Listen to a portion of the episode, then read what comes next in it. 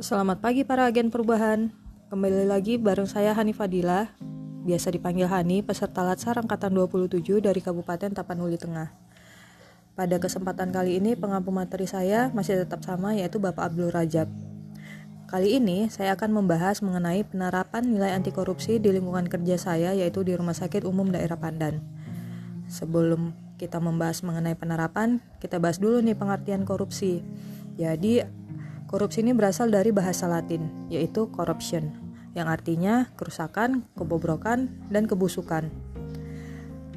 Anti korupsi ini memiliki nilai-nilai dasar, yaitu jujur, peduli, mandiri, disiplin, tanggung jawab, kerja keras, sederhana, berani, dan adil.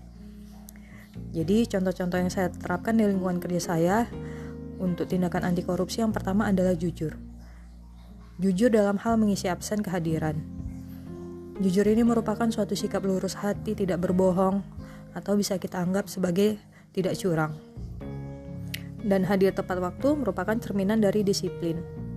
Selanjutnya, kita harus menciptakan sifat peduli yaitu memiliki sifat empati dan empati terhadap permasalahan yang terjadi. Kepedulian merupakan sikap kepekaan terhadap lingkungan yang ada di sekitar kita. Selanjutnya yang saya lakukan adalah berpenampilan sederhana, Hal ini dapat menghindarkan gaya hidup lebih besar pasak daripada tiang, yang pada akhirnya akan memicu terjadinya korupsi. Selanjutnya adalah tidak menerima uang suap ataupun hadiah dalam bentuk apa pun dari pasien demi pelayanan yang mereka harapkan.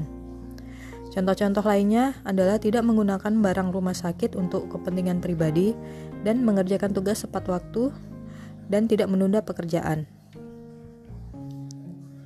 Demikianlah contoh-contoh yang saya lakukan untuk melawan korupsi di lingkungan kerja saya. Semoga bermanfaat ya. Tetap jaga kesehatan dan patuhi protokol kesehatan 5M. Dadah.